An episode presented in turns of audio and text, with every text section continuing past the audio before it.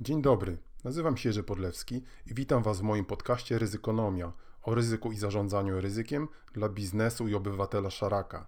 Więcej informacji o mnie, moich e-bookach, usługach doradczych i szkoleniowych znajdziecie na stronie www.ryzykonomia.pl.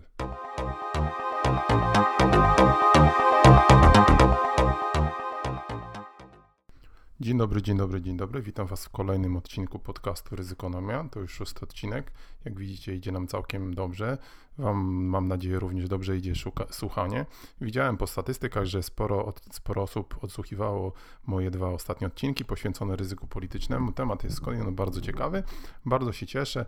Oczywiście proszę o uwagi, kwieciste pochwały. Wszystko to możecie wy, wysyłać chociażby na mojego, na mojego bloga. Tam są różne adresy i oczywiście będę się bardzo cieszył, jeżeli będziecie słuchali y, tych kolejnych odcinków, w tym oczywiście tego. Odcinek będzie poświęcony driverom i killerom zarządzania ryzykiem. Mój, jeden z moich ulubionych, tysięcy ulubionych tematów, ale zanim o tym temacie, to jeszcze chwilę uaktualnienia, co się w ogóle działo. Mam nadzieję, że zaglądacie na mojego bloga Ryzykonomia. Tam ostatnio pisałem innymi o sztuce wojny, o podobieństwach między zarządzaniem ryzykiem w biznesie, a zarządzaniem ryzykiem w wojsku. Zresztą, jak wiecie, jestem duchem trochę militarystą. To temat zawsze był dla mnie bardzo frapujący. No w końcu trudno sobie wyobrazić bardziej ryzykowne zajęcie niż wojnę. Do napisania tego artykułu, który się ukazał jakiś czas temu, zresztą w gazecie bankowej, można powiedzieć, zachęciła mnie czy sprowokowała mi lektura książki Lomuraja Psychologia wojny, psychologia pola walki, tak to się chyba nazywa. E, w każdym bądź razie dokładny tytuł znajdziecie oczywiście na blogu. E, bardzo ciekawa książka odsłaniająca kulisy tego, co się naprawdę na wojnie dzieje, mm, versus tego, o czym, e, co możecie oglądać w różnych wspaniałych produkcjach filmowych, tych pokazujących e, no, rzeczywistość nierzeczywistą. W każdym bądź razie, żeby za długo o tym nie mówić, są tam różne podane bardzo ciekawe fakty, na przykład taki, jak chociażby to, że przeciętny w czasie takiego typowego starcia talibów z amerykańskimi wyzwolicielami, albo jak ktoś inny uważa okupantami w Afganistanie. Amerykanie, żeby wyeliminować, jak to się ładnie mówi, jednego taliba, musieli często wystrzeliwać kilkadziesiąt, a nawet zdarzało się i po 300 tysięcy pocisków, więc to się dos, dosyć chyba mało ekonomicznie domyka. Albo zrzucali samosterujące pociski warte średnio jednego sportowego Porsche na jakieś lepianki. No więc wojna oczywiście nie wygląda tak, jak to się y, czasami różnym młodym neofitom, w, można powiedzieć, no, żeby nie użyć słowa wciska.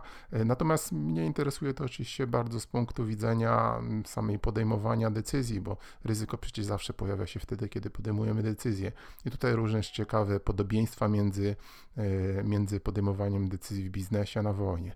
Również ostatnio pisałem o cyberryzyku na morzu. I tutaj znowu do, coś mnie do tego sprowokowało. No tak, idzie człowiek, idzie po ulicy, pomyśli, ona pisze nowy artykuł, dlaczego nie o cyberryzyku na morzu? No może tak dokładnie nie działa. To mm, napisanie tego artykułu było raczej spowodowane tym razem, oczywiście nie, nie tylko kwestią e, tą, którą zajmuję się zawodowo, ale również e, można powiedzieć rozmową z moim kolegą marynarzem, który skądinąd to mnie frapuje od e, ładnego czasu, ale nie tak długiego, jest cały czas online. Można zobaczyć, jak on tam pływa po tych różnych morzach i oceanach, podziwiać różne super fotki ale to też pomyślałem o tym, jakie są związane też chociażby z tą e, cyberobecnością e, statków morskich na morzu, różnego rodzaju zagrożenia i oczywiście i statków, i portów. Temat również bardzo ciekawy, bo transport morski jest bardzo ważny dla światowej gospodarki, kluczowy i chociażby z tego punktu widzenia jest też obiektem y, już różnych ataków, tak jak chociażby jakiś czas temu porty w Rotterdamie, czy y, globalna firma Maersk e, shippingowa, no i o tym między innymi pisze. Także oczywiście różne inne kwestie nowe się też pojawiały na blogu. Zachęcam Was, zachęcam Was jak zawsze do zapisywania się do newslettera, już prawie 700 za, za subskrybentów i subskrybentek. Zachęcam Was Was do uczestniczenia w grupie dyskusyjnej na LinkedIn, gdzie mm, część z Was zapewne wie, jestem też bardzo aktywny. No i oczywiście do zaglądania do mojej księgarni Ryzykonomia Shoplo, która też cieszy się, mam nadzieję, pewną popularnością, a w każdym razie mogę to obserwować. Do tego Was wszystkiego zachęcam, ale oczywiście dzisiaj przede wszystkim zachęcam Was do słuchania dalszej części mojego podcastu. Już trochę tradycyjnie, mam nadzieję, że taka tradycja to już również na podcaście powstała. E, kilka słów mojego autorskiego komentarza na temat różnych ryzyk, które zwracają moją uwagę. No, chociażby zaczynając od świata, a więc tego trochę ryzyk trochę dalszych, ale nie aż tak dalekich. No to widzimy e, znowu, e, można powiedzieć, nowe wybryki czy nowe pomysły Donalda Trumpa. Teraz sprawa chyba najważniejsza to jest kwestia sankcji na, nałożonych na Iran, czy można powiedzieć przełożonych przywróconych w stosunku do Iranu i tutaj się chyba bardzo gotuje. Ostatnio być może mieliście okazję oglądać dosyć kuriozalne wystąpienie Donalda Trumpa w Narodach Zjednoczonych. No, ten język, którego on używa, jest bardzo moim zdaniem niebezpieczny, tym bardziej, że chociażby z różnych z różnego rodzaju opinii, analiz wynika, że e, w tej e, swojej ocenie, można powiedzieć, niebezpieczeństwa płynącego ze strony Iranu, e, Donald Trump jest osamotniony, mm, ale z drugiej strony to oczywiście można się spodziewać, że firmy będą miały do wyboru albo mm, przełamywać to embargo i narażać się na, na, na problemy na rynku amerykańskim, albo wybrać rynek amerykański, czyli to jest również taki, można powiedzieć, bardzo ważny globalny faktor. E, cóż się dzieje w Europie? No, tu znowu chyba Europa bardzo ściśle się wiąże z sprawami polskimi. Mm, ryzyka tutaj e, kreują się bardzo istotne, e, chociaż wydaje się niezauważalne. To zresztą jest dosyć również chyba kwestia, czy, czy ciekawa, ciekawy problem łączący mm, Trumpa i, i chociażby Polskę i wiele różnych krajów, bo z jednej strony mamy świetną sytuację gospodarczą, chociażby gospodarka amerykańska pędzi jak szalona, a z drugiej strony osoby, które stoją na czele państw, gospodarek, wyprawiają różne bardzo nieciekawe mm, fikołki, które w przyszłości, że tak powiem kolokwialnie, mogą spowodować i wydaje nam się, a nawet jesteśmy przekonani, spowodują zachwianie tej równowagi i będą bardzo negatywnie wpływały na długofalowy wzrost gospodarczy. No i takie sytuacje mamy też w Polsce zapewne, bo znowu mamy bardzo, bardzo mm, fajny wzrost gospodarczy, ale mamy też wielkie problemy z systemem prawnym. E, cała Europa mówi o nas, cały świat mówi o nas, co u nas się dzieje z sądownictwem. To jest temat właściwie nieustanny, e, coraz większy bałagan prawny, niektórzy nawet to nazywają bagnem prawnym. Jak widzimy, e, nowe postanowienia, e, nowe wyroki Naczelnego Sądu Administracyjnego widzimy przyspieszone postępowanie Trybunału Sprawiedliwości Unii Europejskiej w sprawie pytań prejudycjalnych trudne słowo, Sądu Najwyższego do niczego to dobrego nie prowadzi e, i sytuacji gospodarczej nie można przecież rozpatrywać w takim bardzo krótkim okresie. Ekonomia to do siebie ma jak nauka społeczna, że przyczyna jest często oddalona daleko od skutku. E, no, chociażby też kolejny taki przykład bardziej mikro, e, branża budowlana.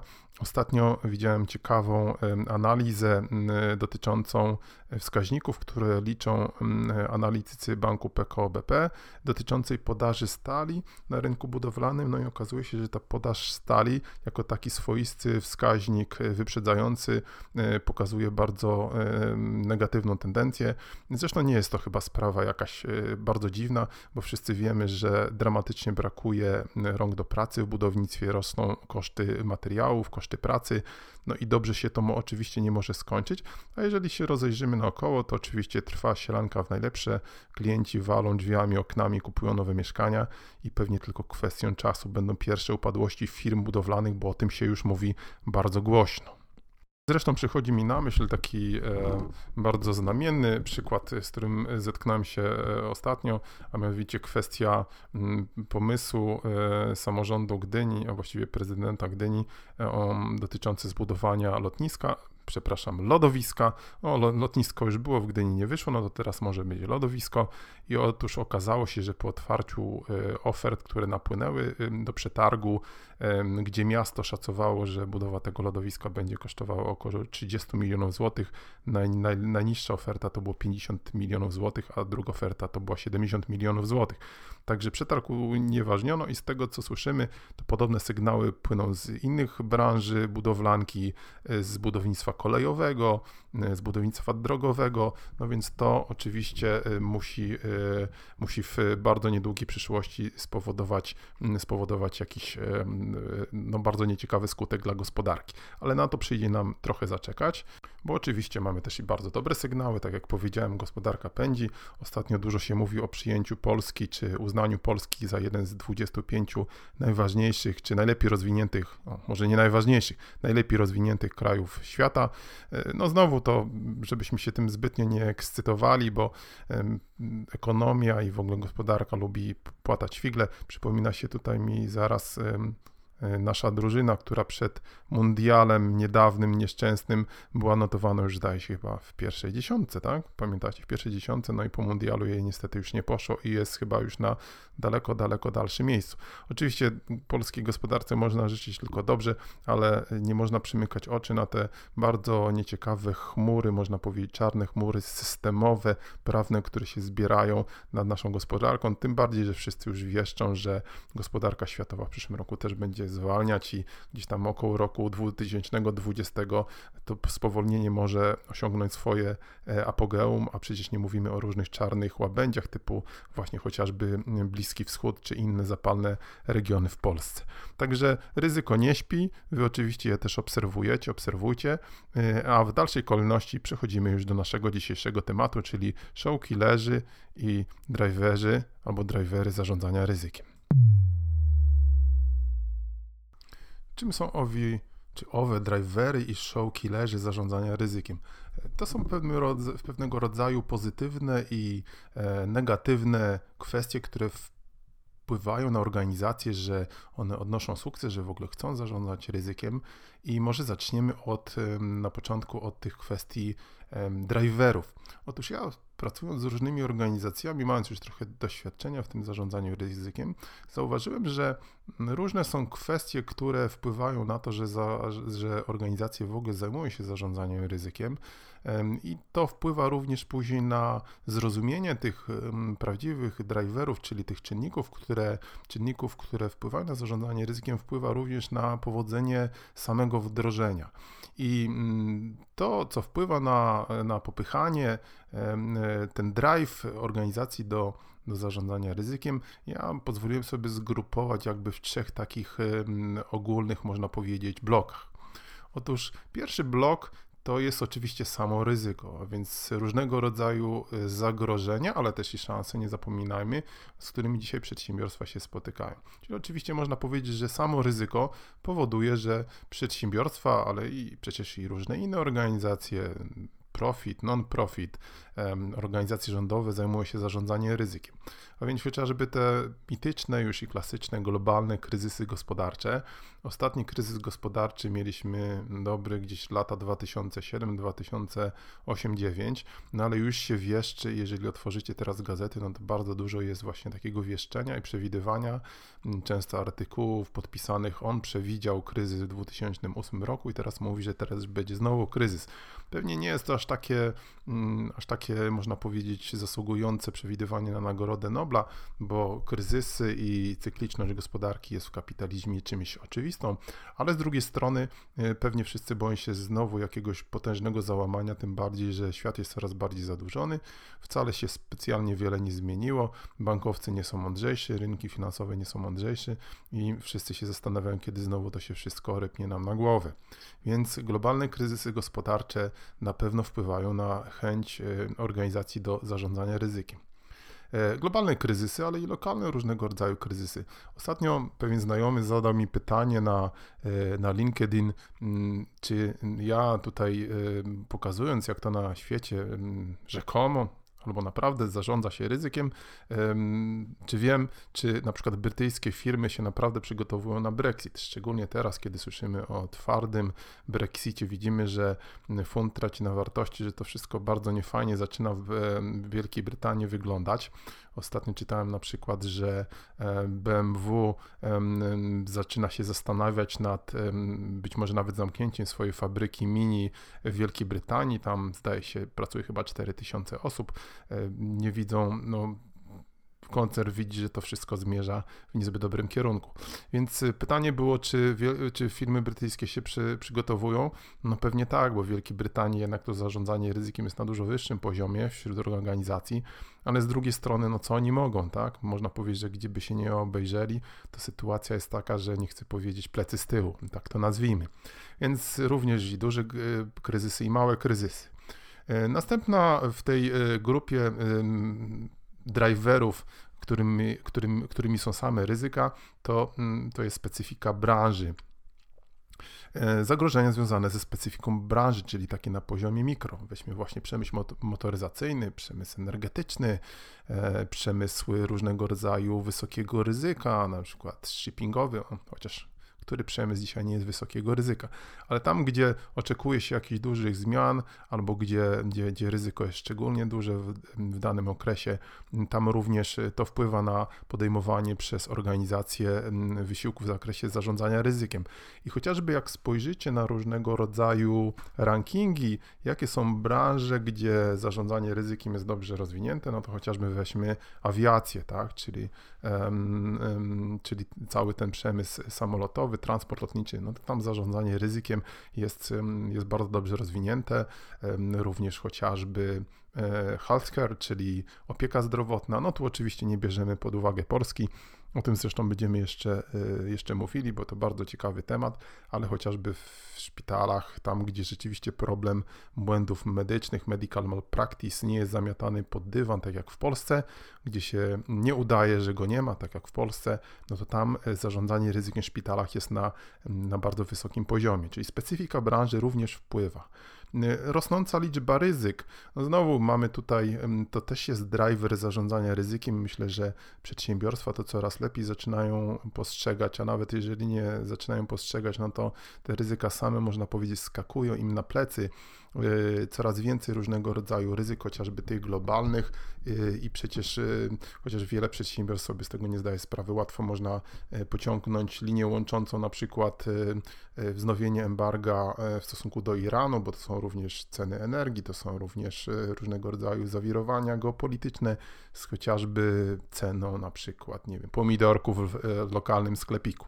No więc, więc e, nie wiem na ile oczywiście sprzedawca takim sklepiku zdaje sobie sprawę, że tych ryzyk jest, gdzie one, gdzie są ich źródła, ale pewnie widzi, że coraz więcej rzeczy nie daje mu spać po nocy i tak jest pewnie w przypadku przedsiębiorstw, to muszą zdawać sobie sprawy, że i zdają sobie sprawy, że ryzyk jest coraz więcej i i chociażby ostatnio no, trudno, jest, trudno jest, żeby ktoś znaleźć osobę, która by zaprzeczyła. Jak to powiedział kiedyś Ulrich Beck, żyjemy w społeczeństwie ryzyka, tak? czyli żyjemy w tym właśnie risk society. Poza tym oprócz rosnącej liczby ryzyk mamy również mamy również coraz to, e, coraz to nowe ryzyka, tak?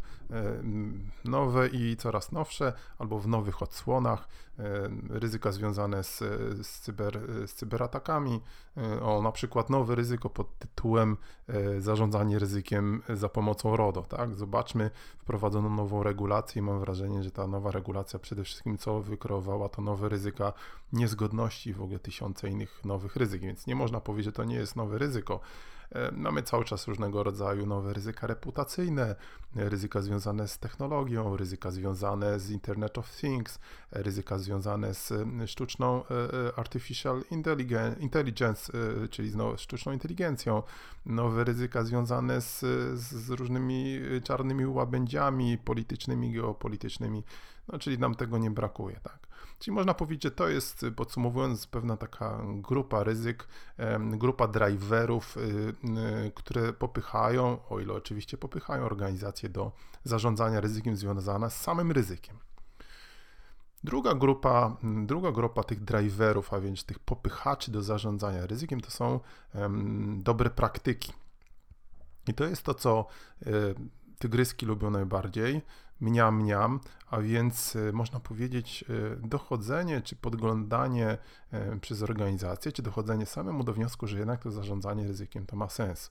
I uważam, że to jest naj, naj, najważniejszy i, i, najlepszy driver e, zarządzania ryzykiem, łączący się oczywiście z tym driverem e, immanentnego e, wzrostu ryzyka, e, ryzyka e, na różnych poziomach dla, dla organizacji. I te dobre praktyki, oczywiście best practice czy good practice, jeżeli, jeżeli one są przyjmowane, to można powiedzieć najbardziej zakorzeniają zarządzanie ryzykiem w, w, w, organizacjach, bo no, to są te drivery, które są przyjmowane jako własne, prawda? Nie jest to coś z zewnątrz, tylko postanowimy naśladować dobre praktyki. No i źródłem tych dobrych praktyk są z jednej strony różnego rodzaju firmy międzynarodowe, te złe korporacje. Nie można powiedzieć, żeby tam e, nie można było znaleźć całego mnóstwa dobrych praktyk zarządzania ryzykiem, aczkolwiek oczywiście z tymi dobrymi praktykami też często różnie, różnie bywa, chociażby dobre praktyki zarządzania ryzykiem reputacyjnym. Weźmy chociażby wpadki Ferrero z Nutellą jakiś czas temu, czy, czy różne ryzyka reputacyjne. Weźmy inny przykład z Haribo, nie wiem czy słyszeliście, to było w zeszłym roku, właśnie też okazało się, że chociażby różne, różne dobre praktyki w zakresie zarządzania e, corporate social responsibility, społeczną odpowiedzialnością biznesu, tak wcale fajnie nie wyglądają w praktyce jak na e, stronach internetowych tych przedsiębiorstw. Ale w każdym bądź razie nie można powiedzieć, żeby tam nie pracowano nad, nad ulepszaniem tych dobrych praktyk, więc korporacje są akurat bardzo dobrym źródłem dobrych praktyk, więc możemy je podglądać i, i starać się im dorównywać. Sektor energetyczny wśród korporacji, wydaje się, że co najmniej w Polsce, ale nie tylko, to jest również źródło dużych, dobrych praktyk, dobrych praktyk i dużych praktyk też, tak, bo to niekoniecznie może musi się ze sobą współgrać, o czym świadczy chociażby jakiś e, czas temu e, katastrofa w Zatoce, e, w Zatoce Meksykańskiej, platformy wiertniczej Deepwater Horizon, kiedy to było, 20 kwietnia 2010 roku. E, sprawa w swoim czasie bardzo głośna.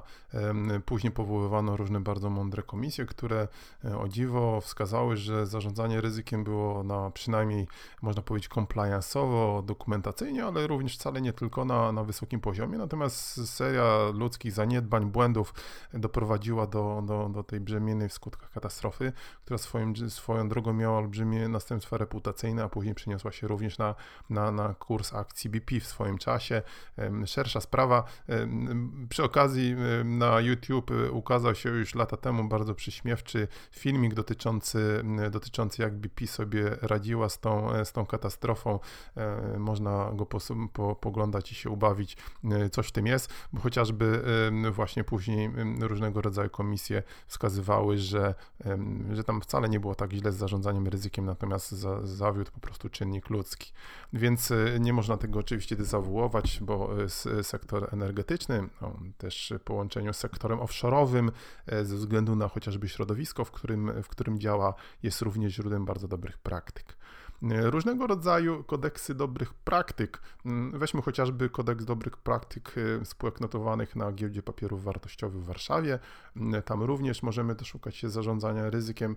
Znowu oddzielny temat, o którym będziemy kiedyś rozmawiać, bo z jednej strony to, to ten kodeks e, no, daje pewne wskazówki dotyczące zarządzania ryzykiem, ale z drugiej strony są to wskazówki bardzo, bardzo ogólne. Tutaj znowu można to połączyć z ostatnimi regulacjami. O, no już regulacje to będzie trzecia grupa driverów, od razu Wam zdradzę, e, właśnie dotyczące wprowadzania zarządzania ryzykiem, bo cóż, e, te kodeksy dobrych praktyk, w ogóle dobre praktyki wymagają dobrej woli, tak?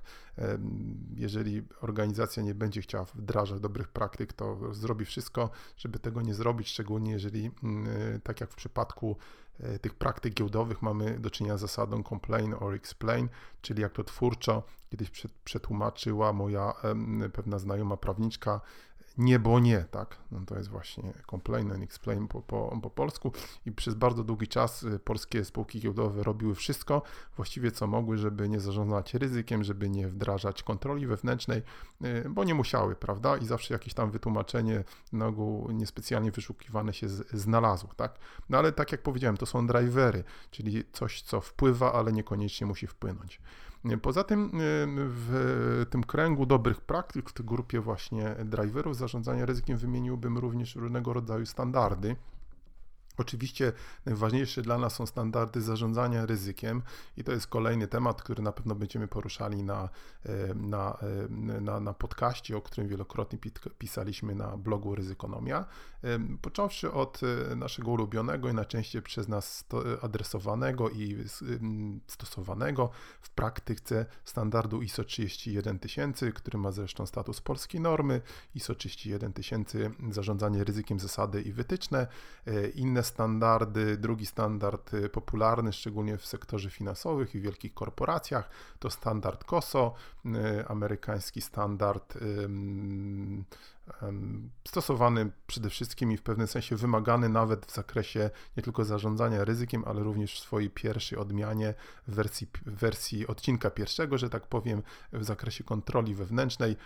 I chociażby ten standard jest w pewnym sensie wymagany czy rekomendowany e, przez amerykański Securities, Securities Exchange Commission, czyli Komisję Nadzoru Giełdowego e, amerykańskiego rynku finansowego i chociażby z tego względu, że to rynek największy, to ma to oczywiście promieniuje ten standard na, na, na, na cały świat. Nie będę tutaj porównywał, który jest dobry, który niedobry, na to jeszcze przyjdzie czas. Różne inne standardy, pomniejsze zarządzanie ryzykiem też można znaleźć, ale te dwa myślę są najważniejsze, one de facto dziś dominują. Można by tu wspominać jeszcze o standardzie australijsko-nowozelandzkim, ale to on znowu w pewnym sensie został wchłonięty przez ISO 31000. Możemy e, spoglądać na to, gdzie zarządzanie ryzykiem można jeszcze znaleźć, chociażby w całym zarządzaniu jakością. E, weźmy taki standard zarządzania jakością AQUAP, standard natowski, gdzie, który wymaga całego procesu zarządzania ryzykiem. Weźmy w ogóle grupę, to, grupę standardów ISO 9000, które również dzisiaj już po ostatnich można powiedzieć, odnowieniach wymagają, aby zarządzanie ryzykiem się znalazło i logiczne, że chociażby w przypadku oczywiście ISO nawiązuje się tutaj do ISO 31000. Standardy, dobre praktyki w zakresie ładu korporacyjnego ogólnie też wpływają i wymagają na to, żeby, żeby zarządzanie ryzykiem stosować, czyli generalnie rzecz biorąc różnego rodzaju, różnego rodzaju to, co e, można powiedzieć, poradniki, które, które możemy stosować, ale nie musimy. Ale tak jak powiedziałem, że uważam, że, e, że dobre praktyki najlepiej pokazują poziom ich zastosowanie, tych dobrych praktyk najlepiej pokazują e, pewną dojrzałość zarządzania ryzykiem, czyli to, czy organizacje, czy państwa, czy całe społeczeństwo naprawdę wierzą w zarządzanie ryzykiem, bo żadna regulacja, żadna ustawa nie zmusi nikogo do zarządzania ryzykiem, do robienia czegoś, jeżeli, jeżeli, jeżeli się nie będzie w to wierzyć. Tak? Wiara, jak w całej ekonomii, jest tutaj bardzo ważna, tak? to słowo wiara.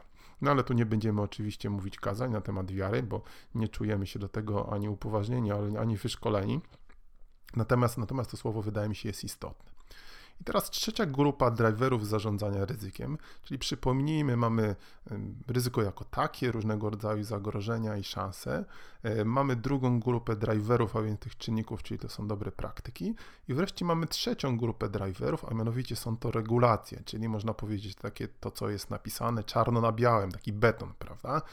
Masz zarządzać ryzykiem i koniec. No i z tymi regulacjami zawsze miałem problem, bo już nie mówiąc o tym, że ryzyko, mm, że regulacje same, mm, same kreują ryzyko niezgodności z regulacjami, to później idzie takim łańcuchem, później ryzyko od ryzyka. To oczywiście eksperci z compliance sobie z tego doskonale zdają sprawę. E, kwestia RODO chociażby jest pięknym przykładem, prawda? Się zastanawiam. E, ostatnio miałem taką sytuację, że dzwoniła do mnie jakaś osoba z call center i na nawet próbę pytania, skąd ma pani moje dane, ta osoba błyskawicznie czasnęła słuchawką, prawda? No i nawet nie miałem okazji zgłosić zastrzeżeń żadnych, ani prosić o, o wypisanie mnie z bazy, bo zostałem po prostu, bo zostałem po prostu, e, można powiedzieć, zdelitowany. No i cóż ja mogę zrobić? Zrobić, tak? Tak, tak, tak, tak chociażby ta ochrona zapewne często będzie działać. Ale oczywiście na, na, na, na, na ocenę efektów przyjdzie jeszcze czas i są od tego odpowiedni eksperci. My do tego tematu też pewnie powrócimy. Widzicie, ile tu jest tematów do rozmowy na jakieś odcinki na chyba Baśnie z Tysiąca i Jednej Nocy, tak? No, w swoim czasie to była jedna z moich ulubionych książek, książek. No ale nie będę wam tutaj dzisiaj robił szeherezady, tylko kontynuujemy o, o kwestiach driverów.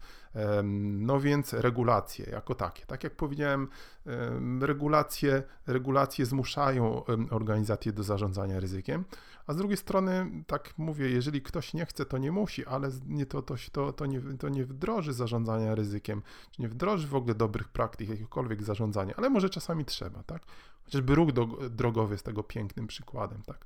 Od lat mówi się w Polsce, że mm, trzeba przekonywać do, do ostrożnej jazdy, trzeba, trzeba edukować, ale no cóż to daje, te wszystkie dobre praktyki. Tu trzeba wziąć kij, przywalić w łeb, wprowadzić bardzo, no to mówię oczywiście w przenośni, chociaż jak się widzi niektórych szaleńców na drodze, to człowiek naprawdę chciałby wziąć jakiś bambusowy kij i tłuc, no jeżeli nie po obie, to po tyłku, bo mm, nabieram przekonania, że to jest jedyny, jedyny, jedyna metoda do dojścia do, no nie wiem czy do rozumu, bo wątpię, czy niektórzy kierowcy mają rozum tych osób.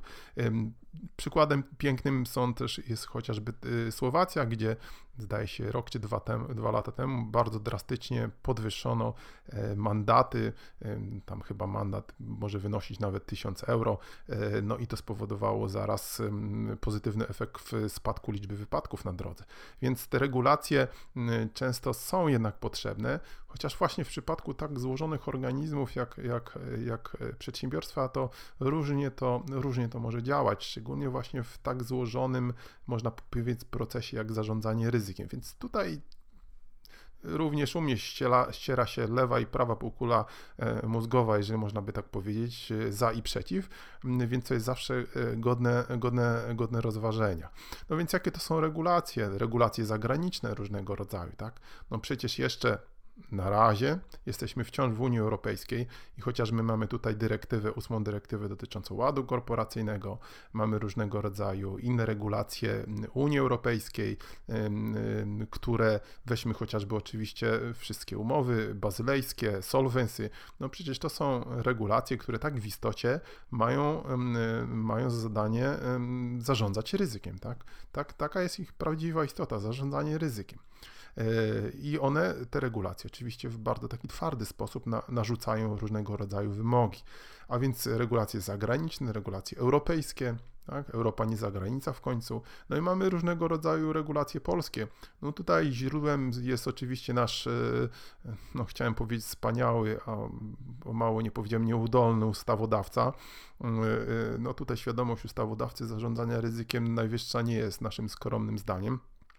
Ale w końcu mamy regulacje, chociażby nowe w ustawie o biegłych rewidentach, e, które e, no, e, z jednej strony były bardzo wielkie oczekiwania w zakresie komitetów audytu, miały właśnie wznieść te komitety audytu na, na wyższy poziom i oczywiście wprowadzić też w związku z tym większą, większe zarządzanie ryzykiem. No już trochę czasu minęło i jest dokładnie tak, jak myśleliśmy, to znaczy nie zauważamy żadnego efektu, ale może wy widzicie efekt, jednak, jednak wątpię jednak wątpię, że widzicie.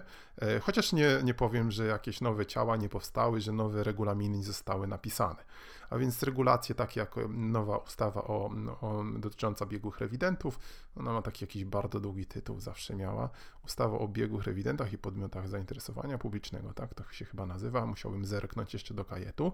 E, oczywiście regulacje naszego najważniejszego regulatora, Komisji Nadzoru Finansowego, e, no właśnie i też z tymi regulacjami Komisji Nadzoru Finansowego to mm, bardzo różnie bywa.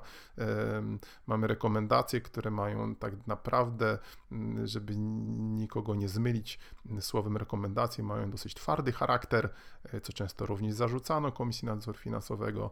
No jak to działa? Znowu no, trudno się nie, nie pokusić o, te, o takie małe uszczypliwości, bo mamy teraz sprawę Getbacka i znowu pytanie, jak te wszystkie regulacje zadziałały, a dotyczyły przy okazji również e, regulacje e, w przypadku Getbacka, dotyczyły również całego rynku giełdowego, bo to przecież spółka giełdowa, dotyczyła kwestii rewizji finansowej, bo przecież mieliśmy tutaj, czy mamy tutaj e, bardzo ciekawą kwestię e, wydawania opinii przez e, firmę mm, mm, mm, dotyczącą właśnie dotyczącą sprawozdań finansowych. Znowu coś nie wyszło.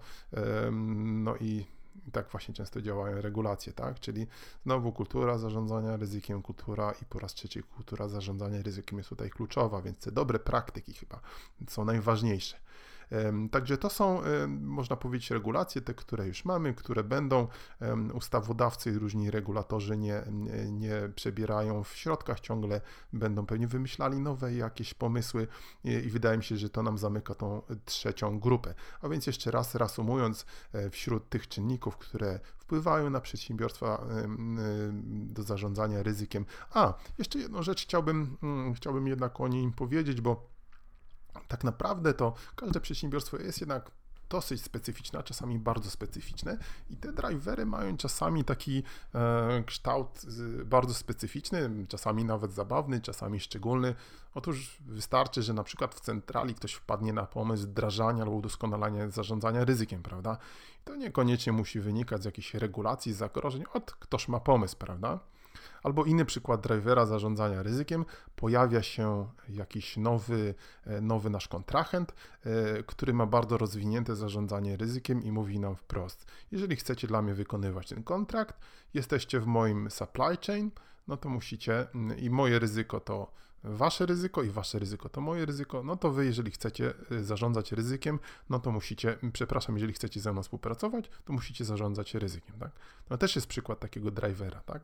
Czyli te również przykłady albo mieszanka, albo na przykład, kiedy okazuje się, że jest jakaś, jakaś, jakiś wymóg dotyczący, dotyczący kwestii celnych, prawda? E, kwestia mm, jeszcze jakichś innych regulacji, e, czy ułatwienia sobie pracy, często ma również wpływ albo na przykład coś, co przeszliśmy, nasze jakieś doświadczenia z przeszłości, czy, czy to, że akurat nam za chwilę rzeka wyleje, albo widzieliśmy gdzieś jakiś pożar, albo coś nam spadło na głowę, też często bywa takim specyficznym driverem.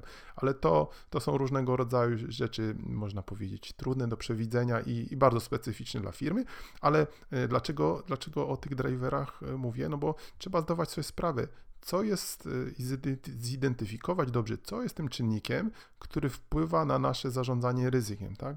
Bo jeżeli na przykład tylko regulacje, no to osiągniemy zgodność z tymi regulacjami, tak? I pewnie dalej się nie posuniemy. Jeżeli rzeczywiście wierzymy w zarządzanie ryzykiem, no to będziemy starali się bardzo głęboko zakorzenić, przekonać pracowników do zarządzania ryzykiem, tak? Więc y, zidentyfikowanie tych driverów oczywiście y, pomoże nam wdrożyć zarządzanie ryzykiem, a z drugiej strony, o tym już za chwilę, zidentyfikowanie driverów pomoże nam także uniknąć killerów zarządzania ryzykiem. Nazywam się Jerzy Killer i zawody jestem taksówkarzem.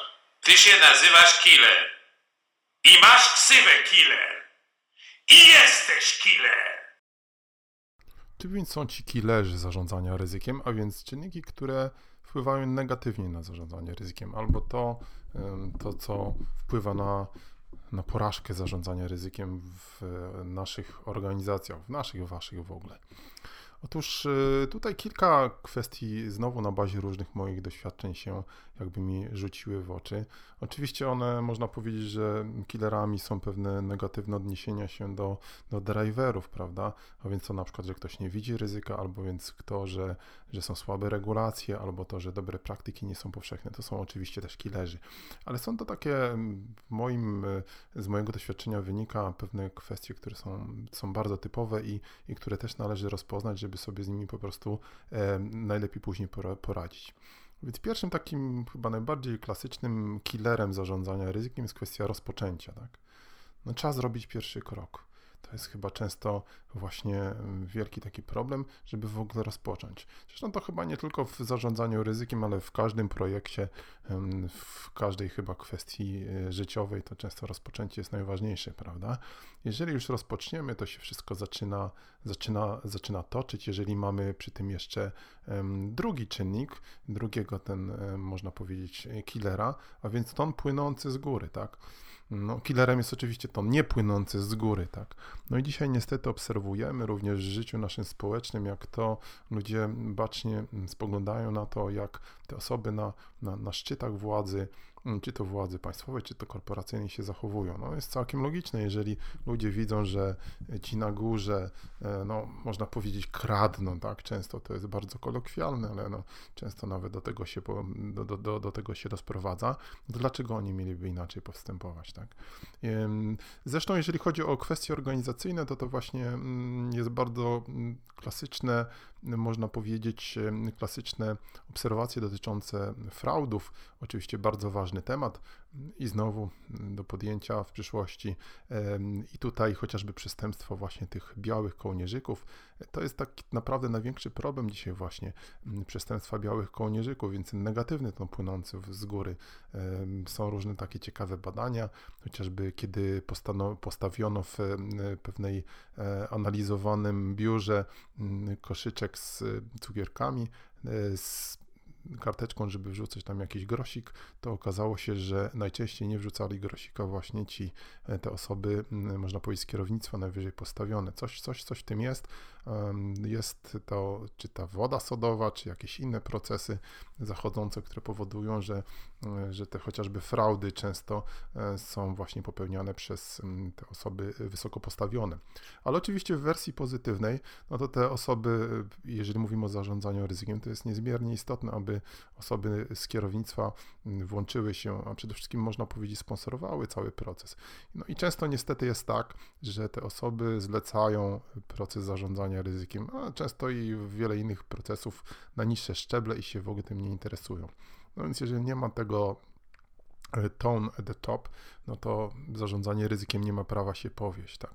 Dlatego wa tak ważne chociażby jest uzyskanie pełnomocnictwa, wsparcia, najlepiej pisemnego na etapie tworzenia kontekstu zarządzania ryzykiem, na etapie, na etapie budowania frameworku, czyli tej struktury ramowej zarządzania ryzykiem od najwyższego, najwyższego kierownictwa. Czyli nie ma tonu płynącego z góry, nie ma sukcesu zarządzania ryzykiem. E, kwestie następnych killerów to czas, zasoby, wspólny język.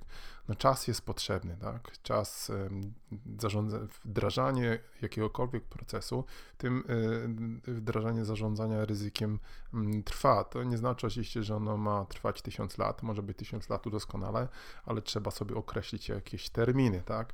No i znowu, jeżeli ktoś uważa, że, że ten proces można wdrożyć, nie poświęcając mu czasu, na przykład tylko outsourcując jakichś konsultantów, e, albo z drugiej strony pracownicy nie mają po prostu czasu na identyfikację ryzyk, no to też nie ma prawa się powieść. No, to jest bardzo blisko związane z kwestią różnego rodzaju zasobów. Tak? Wdrażanie każdego procesu kosztuje.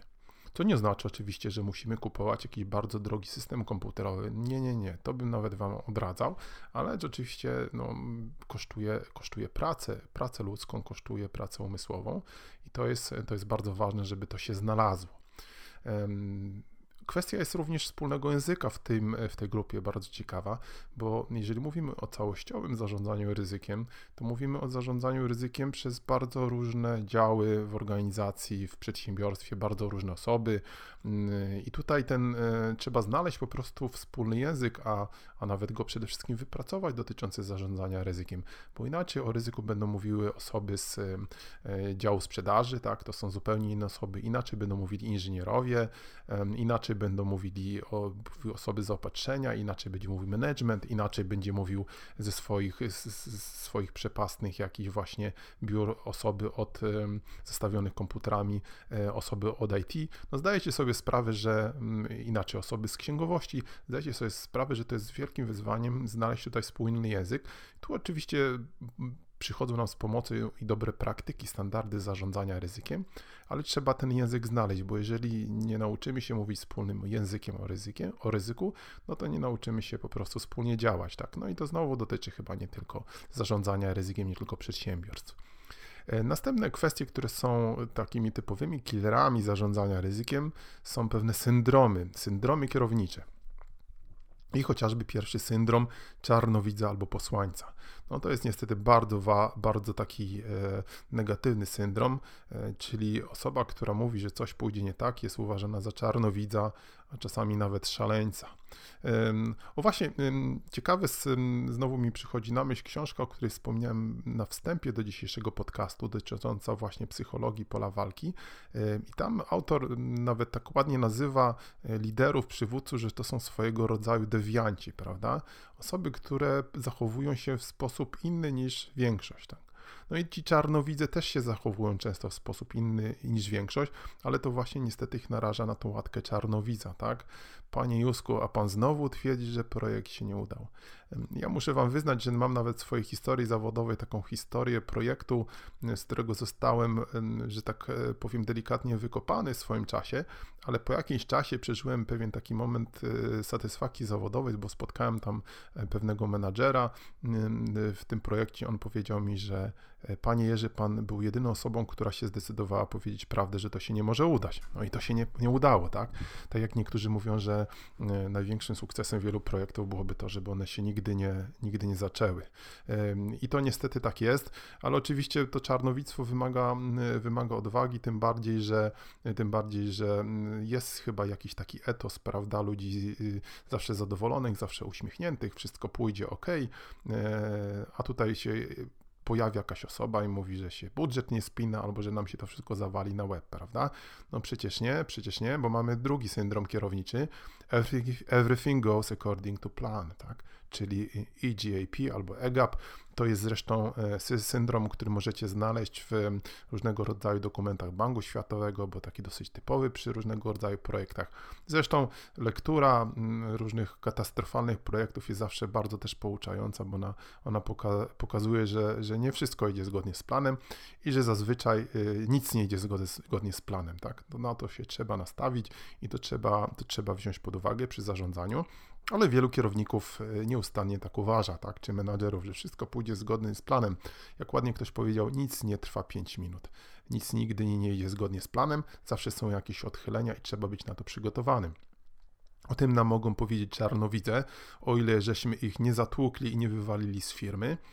E, o, tu przy okazji znowu taka dygresja, po, po, polecam Wam taką świetną książeczkę e, Rogera Scratona, która nosi mniej więcej tytuł Niebezpieczeństwa fałszywej, e, fałszywej nadziei.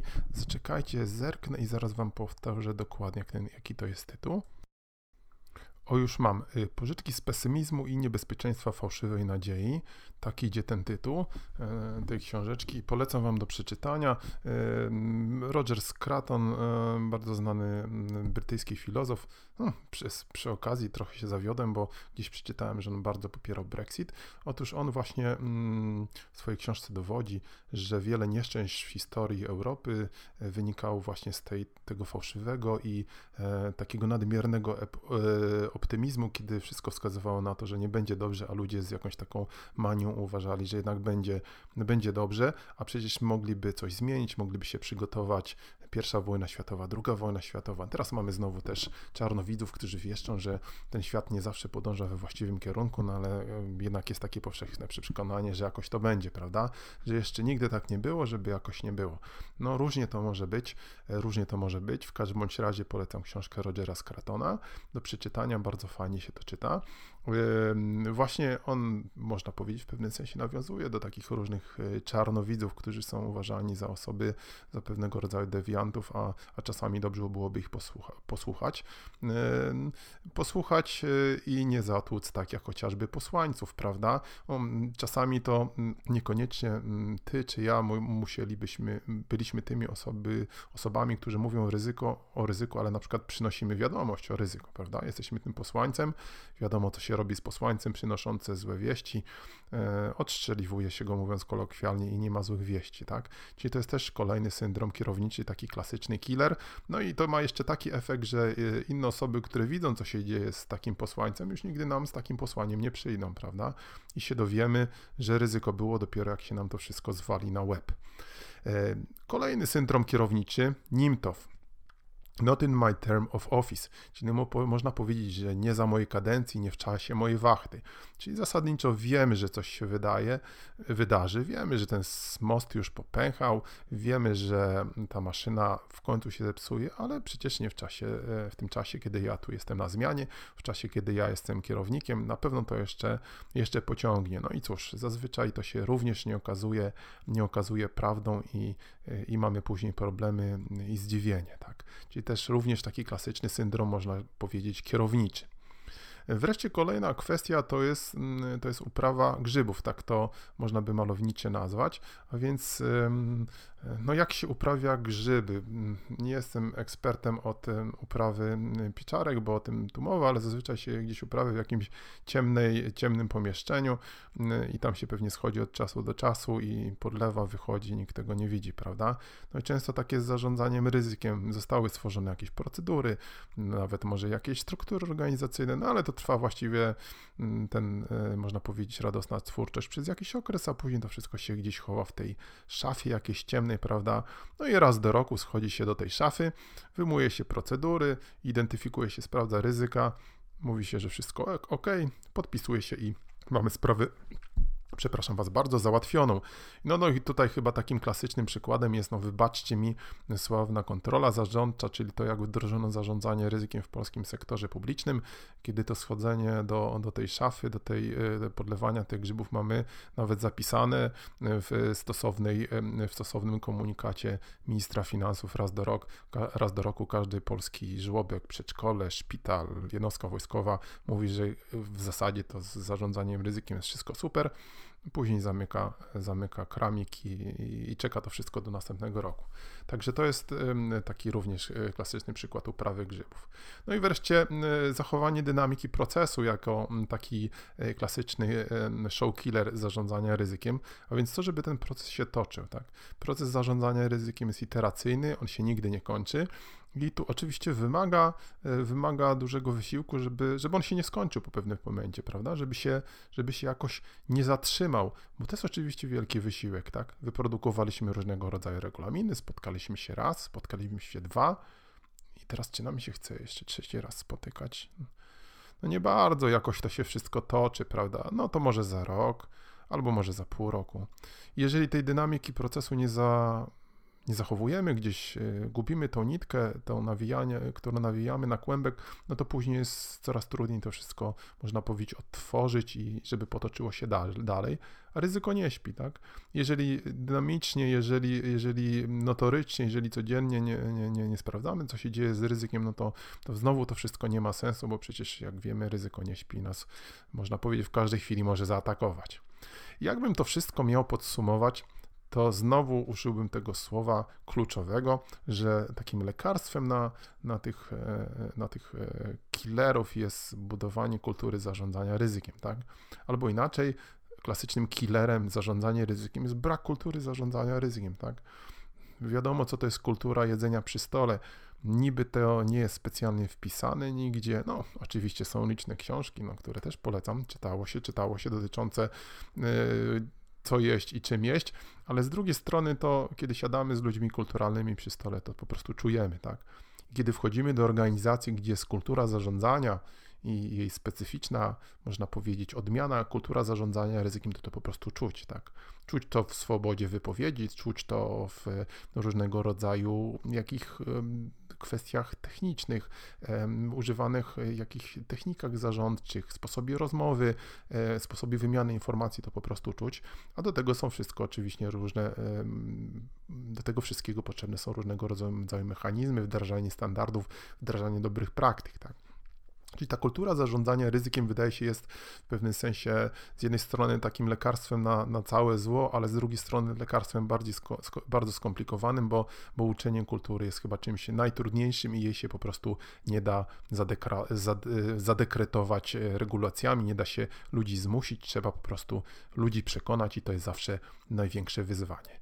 Także dzisiaj podsumowując, opowiedziałem Wam o driverach i showkillerach zarządzania ryzykiem, a słuchajcie mnie w kolejnych podcastach. Już za chwilę wracamy.